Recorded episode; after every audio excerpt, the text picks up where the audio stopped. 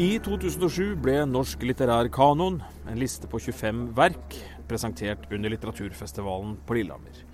Sitater fra samtlige verk på lista ble deretter hugget i stein og nedfelt i byens gater, og det er disse sitatsteinene vi nå er på jakt etter i del to av denne podkasten fra Lillehammer Unesco litteraturby.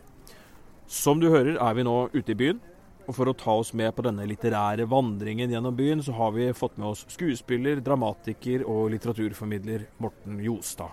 Han står klar på et gatehjørne rett bortpå her.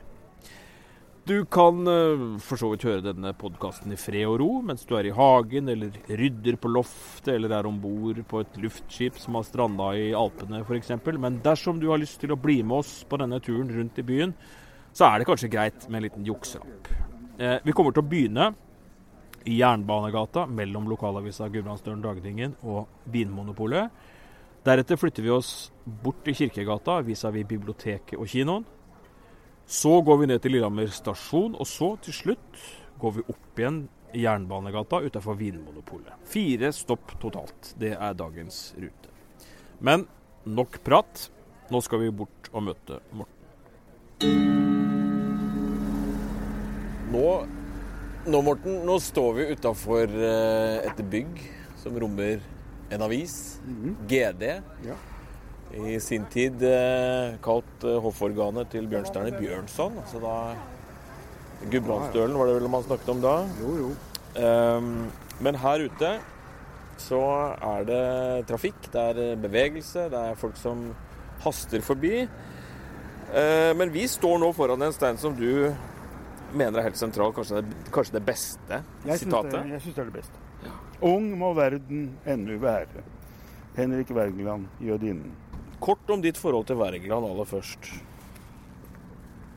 Ja, eh, jeg har arbeidet mye med Wergeland, og kommer alltid tilbake til ham. Og, og eh, ja, alltid og om og om igjen. I forskjellige sammenhenger. Veps er det også her. Ja, det er det. Eh, Du er omsvermet i dag, Morten. Eh, Hva, hva gjør Wergeland til en ruvende skikkelse i norsk litteratur, sånn som du ser det? Han er den mest ruvende. Hvorfor? Ja, fordi han er, han er den største lyrikeren vi har eh, fostret. Og fordi at han er det, det, den mest engasjerte dikteren i eh, norsk historie. Og, og den som eh, gjorde mest eh, med et eh, sivilt mot i eh, sin samtid. Når det sitatet her fra jødinnen, som kom i 1844, ligger her, så er det velplassert. Hvorfor det? Fordi at Henrik Wergeland skrev for denne avisen. Visste du ikke det? Nei, Jeg visste at Bjørnson var mye innom. Nei, ikke den. Men Lillehammer tilskuer. Mm.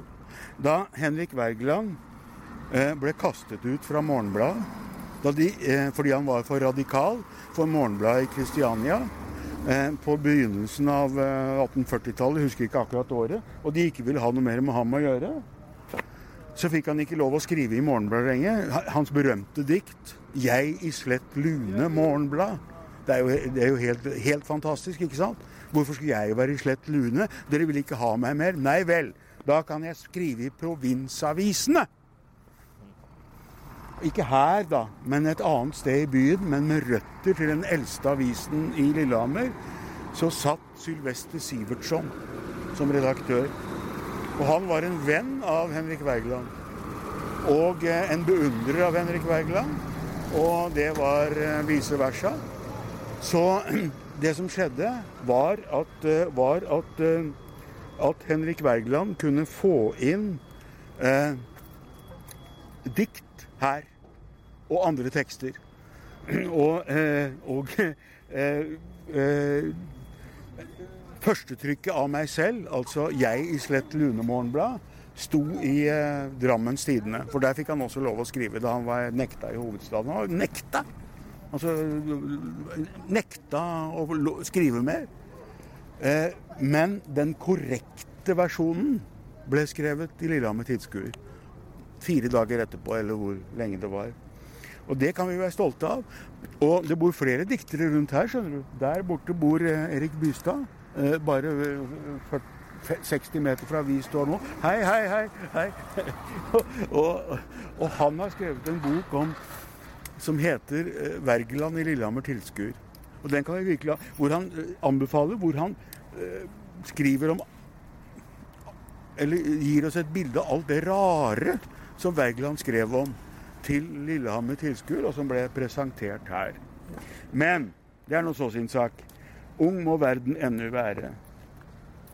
Eh, det er en tittel som da er fra jødinnen. Han skrev to eh, diktverk eh, i sin kamp mot jødeparagrafen. Altså den famøse paragrafen fra Eidsvoll som han, hans far hadde vært med på å vedta. Jøder og jesuitter har ikke adgang til Norges rike, ikke sant? Og dette ble jo Wergelands store kampsak. Og han skriver først jøden, og så skriver han jødinnen. Og de er med på å gjøre at eh, dette snudde. Og eh, paragrafen ble på demokratisk og parlamentarisk vis tatt ut av Grunnloven. Det fikk ikke Wergeland oppleve i levende livet. Ung må verden ennu være er fra det store diktet 'Følg kallet'.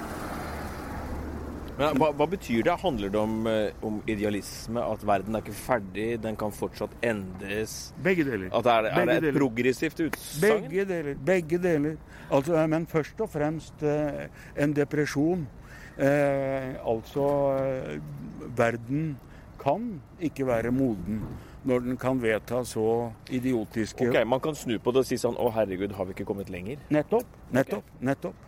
Nettopp. Det er det det, det, det betyr. Men samtidig Og det kommer midt inni det store idédiktet. Jeg kan ikke begynne å sitere det, for da det sprenger alle rammer. Men, men, eh, men eh, det er akkurat det. Altså er vi ikke kommet lenger, for å si det banalt.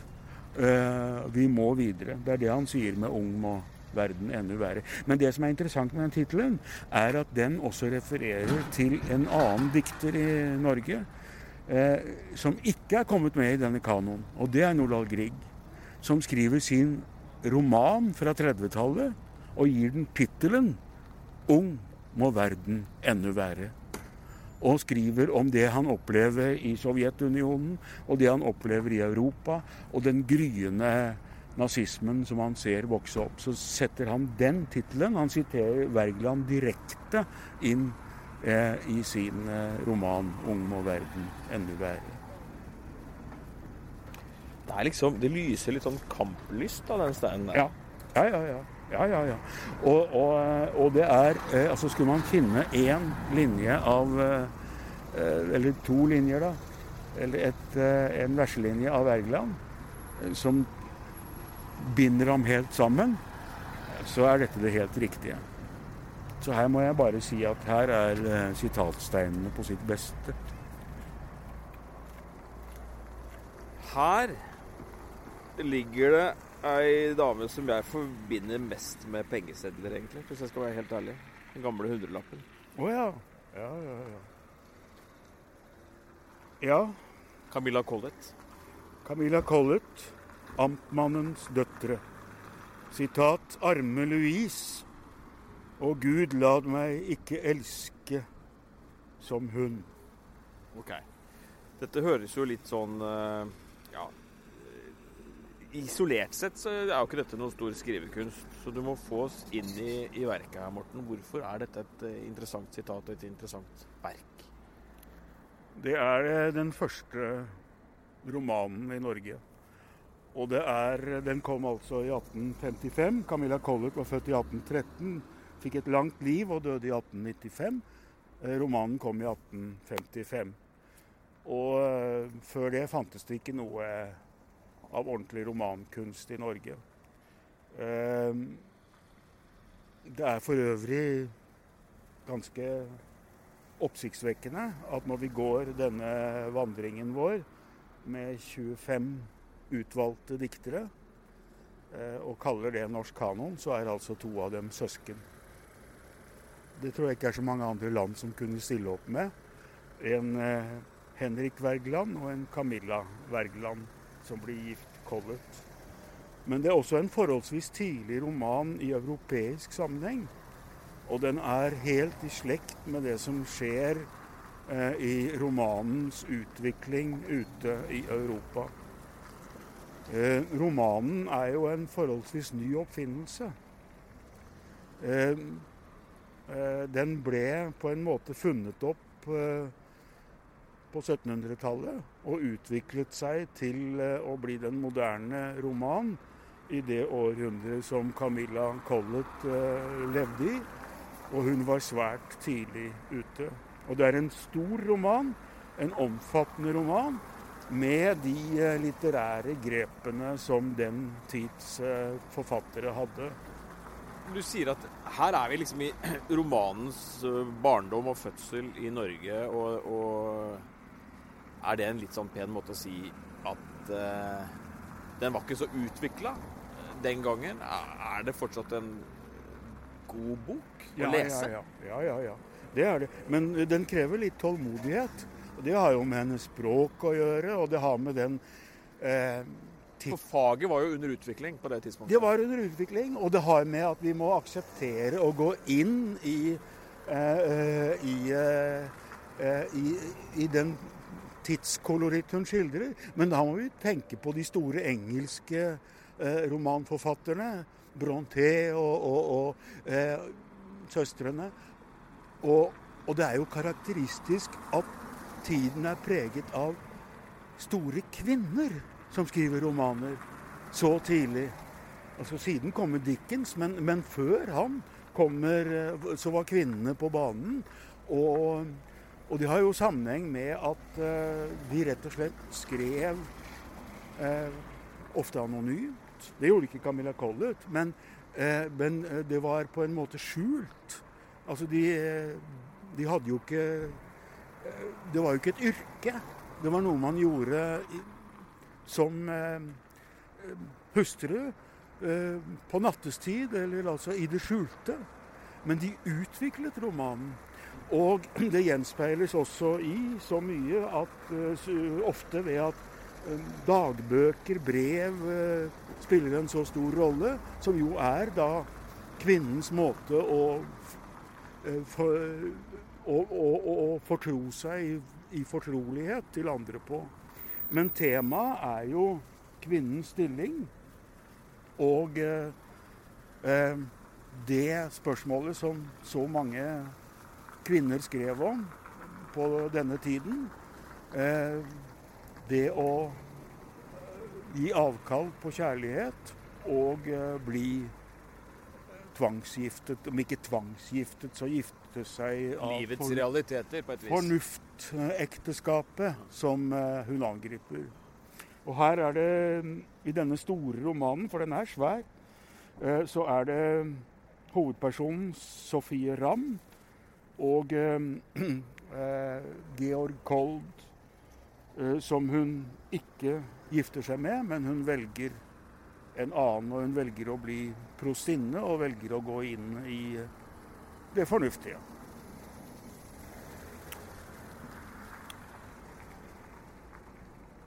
Akkurat dette sitatet her,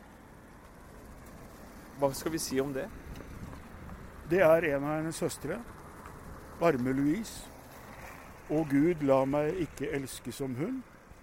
Uh, og hun har sett hennes vei, og hun uh, Sofie utbryter det i uh, fortvilelse over å se hennes måte å leve på. Og hennes måte å leve på, det er da? Fornuftekteskapet.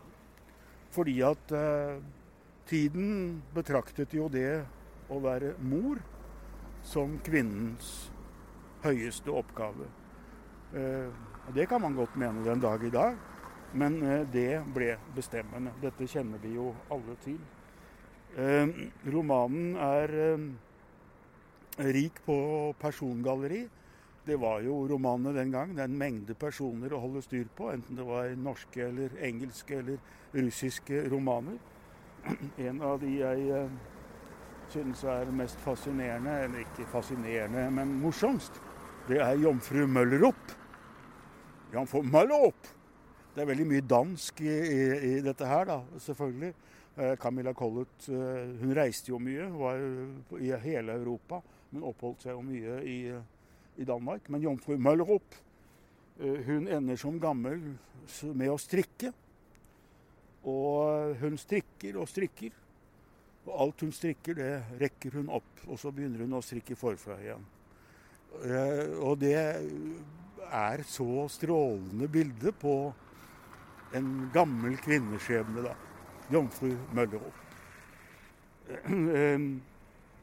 Som romanen er viktig og fascinerende hvis man har tid og kraft til å gå inn i den.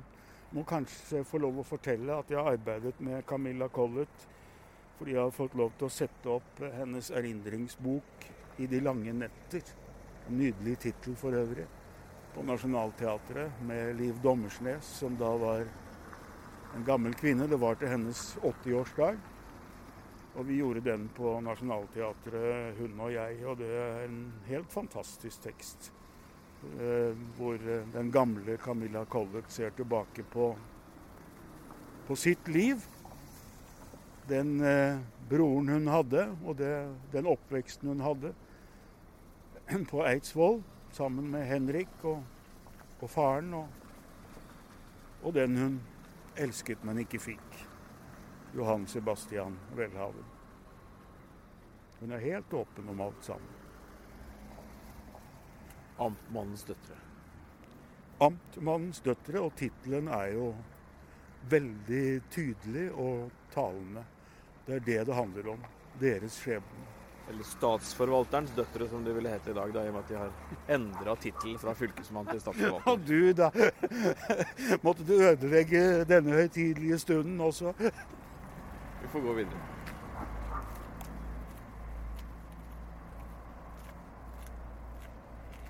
Nå står vi foran Åsmund eh, Olafsson Vinjes stein færaminne fra Sumaren 1860. Og den er lagt her ved Lillehammer skysstasjon. Eh, fordi at de som har lagt den ned, har nok tenkt at det var en god idé. Og det syns jeg for øvrig også at det er. At den ligger her, hvor man starter en vandring. Ja. Og kan vi, jo, vi, kan jo si litt om, om, eh, denne dagen hvor vi står her. Bussene står oppstilt eh, et steinkast unna. Det har akkurat kjørt av gårde en, en, en, et lass med folk. Toget kommer hvert øyeblikk, og vi hører kirka i bakgrunnen. Ja, ja. Drosjeholdeplassen er full. Ja, her er det et yrende liv. Så det er et, sånt, et punkt i byen hvor, hvor, hvor, det skjer mye. Ja, ja. Og, og, og, og da syns jeg det er så flott at tittelen 'Færaminne' får lov å ligge her med Åsmund Olavsson Vinje. Og så må man da, eh, når man ser nærmere på disse steinene, eh, lese sitatet. Og her er sitatet altså Me ser med eit augnekast liksom retta og ranga på livsens vev. Ok, Og hva betyr det? Jo, Det skal jeg komme tilbake til, men først litt om verket. Altså Færaminnet er virkelig eh, et av eh, vår nasjonale litteraturs store og bemerkelsesverdige færaminner. Åsmund Olavsson Vinje var på reise, på vandring, fra Kristiania til, til Trondheim for å i 1860 og 61, altså boka kom i 61, for å oppleve kroningen av den eh, svensk-norske kongen i Nidarosdomen. Og han eh, ga seg på den ferden. Og boka hans er på en måte en reiseskildring, men den er like mye en kulturskildring av Norge på den tiden. Han brukte god tid. Han, han går store ja, ja, deler av veien. Ja, ja, ja. ja, ja, ja. Østerdalen og Gudbrandsdalen. Han tar seg god tid. Og han skriver om alt han opplever. Og, og, og det han skildrer, er da eh, ikke så mye kroningen, men eh, Norge slik det så ut i 1860 og 61. Bønder og fattigfolk og storbønder ja, ja, ja, ja, alt sammen. Skyskarer og Ja, ja, ja, ja. Alt han møtte og alt han så. Men altså, me ser med eit øynekast liksom retta og ranga på livsens veg. Det inngår jo en kontekst, og det, er et kapittel som heter 'Hovedstadfolk'. Og sånn sett så er det han, seg sjøl han skriver om, som alle vet. Han var født i Telemark, så han var ikke noen Kristiania-gutt. Men der hadde han hatt sin ungdom og sin studieår osv. Men alt dette må jo settes inn i en kontekst, en sammenheng. Og konteksten er denne. Skulle jeg gjeva noe skilmark mellom oss fra hovedstaden og de andre byfolk, så måtte det største være det at vi lettere ser hver ting liksom med et dobbelt syn. Vi ser med eit øynekast liksom retta og ranga på livsens veg. Såleis at vi lettere kan liksom gråta med det e ene øyet og le med det andre. Dette er typisk for byfolk, men ikke bygdefolk? Eh, ja, eh, han mener at eh, dette har ikke de i Kristiania, da. Dette tvisynet som Vinje er blitt kjent for, det har ikke eh... ah, Kanskje det er omvendt? At det er, at det er eh, folk som han, som kommer fra bygda, som har mer av dette tvilsynet? Ja, ja, ja, ja. Det, da forstår jeg det. Det han mener, det, det han mener. Det, er de fra, fra Bygde-Norge som har tvisynet, mens de som er eh, parkert i Kristiania, de har liksom tunnelsyn. Så da må han ut dit, han må ut gjennom landet til, ja, ja, ja, til eh, landsbefolkningen for, å, for, å, finne dette, denne intelligensen, da, ikke sant? Nja, for å opprettholde den. Det er jo han som har den. Eh, han var jo venn av Henrik Ibsen, og, som vi kommer til, og, og, og Paul Botten Hansen. men han vet at han bærer med seg dette tvisynet. At vi ser liksom med retta og ranga på samme tid. Hva er livsprosjektet til Vinje, da? Livsprosjektet til Vinje eh, er å um, vandre og skrive om Norge. Og skrive gode dikt. Og det får man si at han gjorde. I denne boka, 'Færa mine', så er alt der. Nå ser jeg at slike fjell og dalar, som deg meg i min første ungdom såg. og same vind den heile panna svalar, og gullet ligg på snjo som fyrr det låg. Det er et barnemål som til meg talar, og gjør meg tankefull, men endog fjåg. Med ungdomsminn er den tala blanda, det strøymer på meg så eg knapt kan anda. Og så har han også gått inn i historien som en eh, fremragende essayist og journalist og ja. redaktør. Ja, ja, og er vel på mange måter jeg, Enkelte omtaler han som en sånn gonzo-journalist lenge før begrepet 100 år før begrepet ble oppfunnet. Og han må ha vært artig å drikke med og, og, og ture med og, og, vandre med, tror du ikke det? Eh, vandre med særlig. Jeg tror ikke han var av de som turet mest, men, men, men eh, han var en nøktern mann. Eh, men, men eh, klart han var artig. Ja. Kan jeg, for, før vi går videre, kan jeg avslutte med åpningsdiktet. Mm, det er kort. Uh, og det Og dette er altså dikt som da blir presentert første gangen i dette verket. Det er førstetrykket, rett og slett. Og da må vi tenke oss at vi står på stasjonen på Lillehammer. Fra byen det bærer eg lyfter på hatt. Gud veit nå den dag eg hit kjem att. Farvel, hovudstaden. I deg var det best, der fann eg dei beste, der lærde eg mest. Men ufrisk i varmen eg alltid deg fann. Du er liksom tanken du elder din mann. Og de får til fjells vil eg fara som døl og kjenningar finna og gløyma meg sjøl.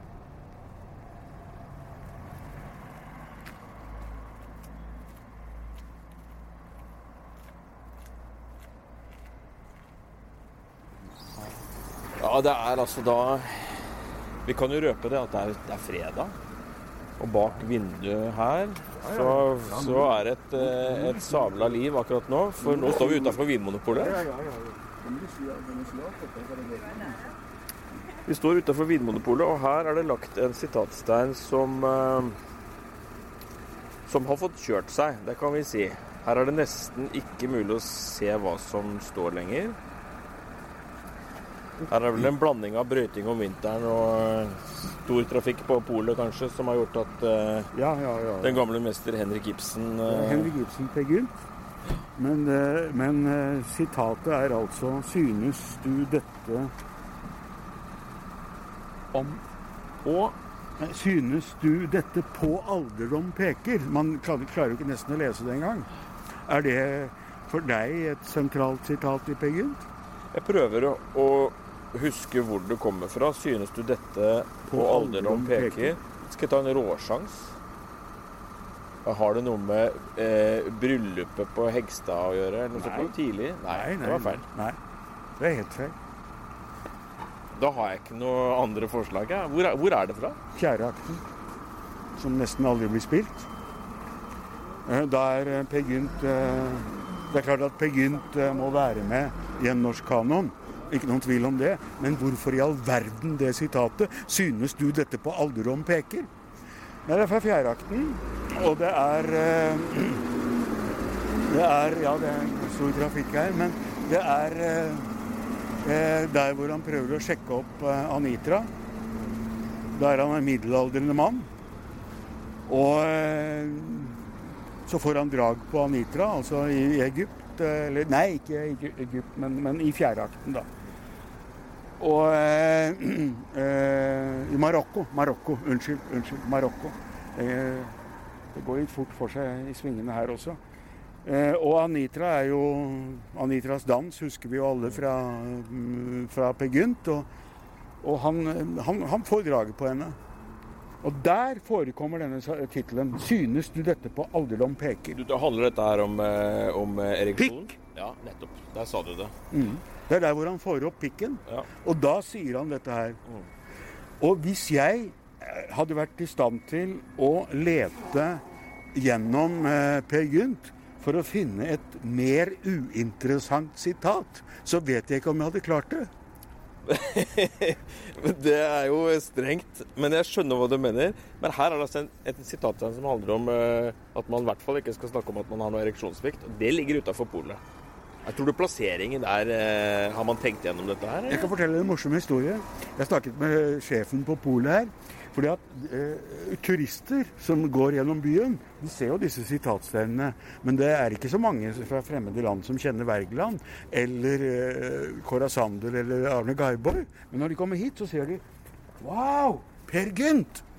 Og så går de inn, og så spør de de ansatte på polet But what does that mean? Mm.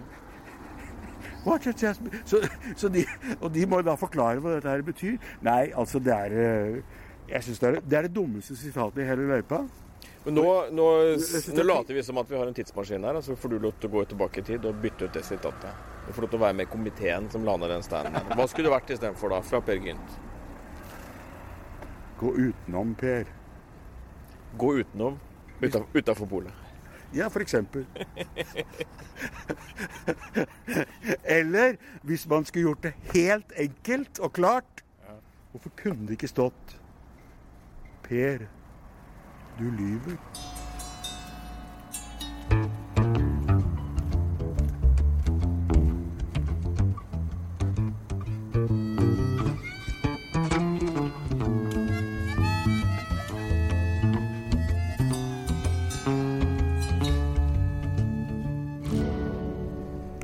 Har hørt en podkast fra Lillehammer Unesco litteraturby om norsk litterær kanon, en litterær vandring gjennom bygatene på Lillehammer.